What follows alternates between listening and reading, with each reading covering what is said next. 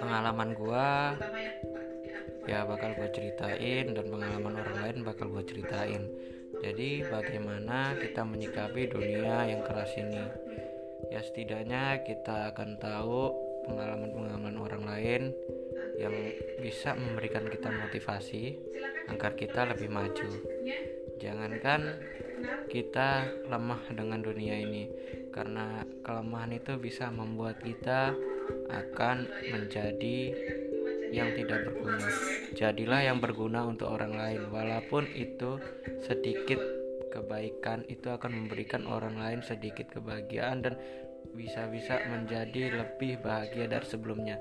Ya, anggap saja ini sebagai jalur untuk kita menuju ke depannya. Terima kasih. Bakal saya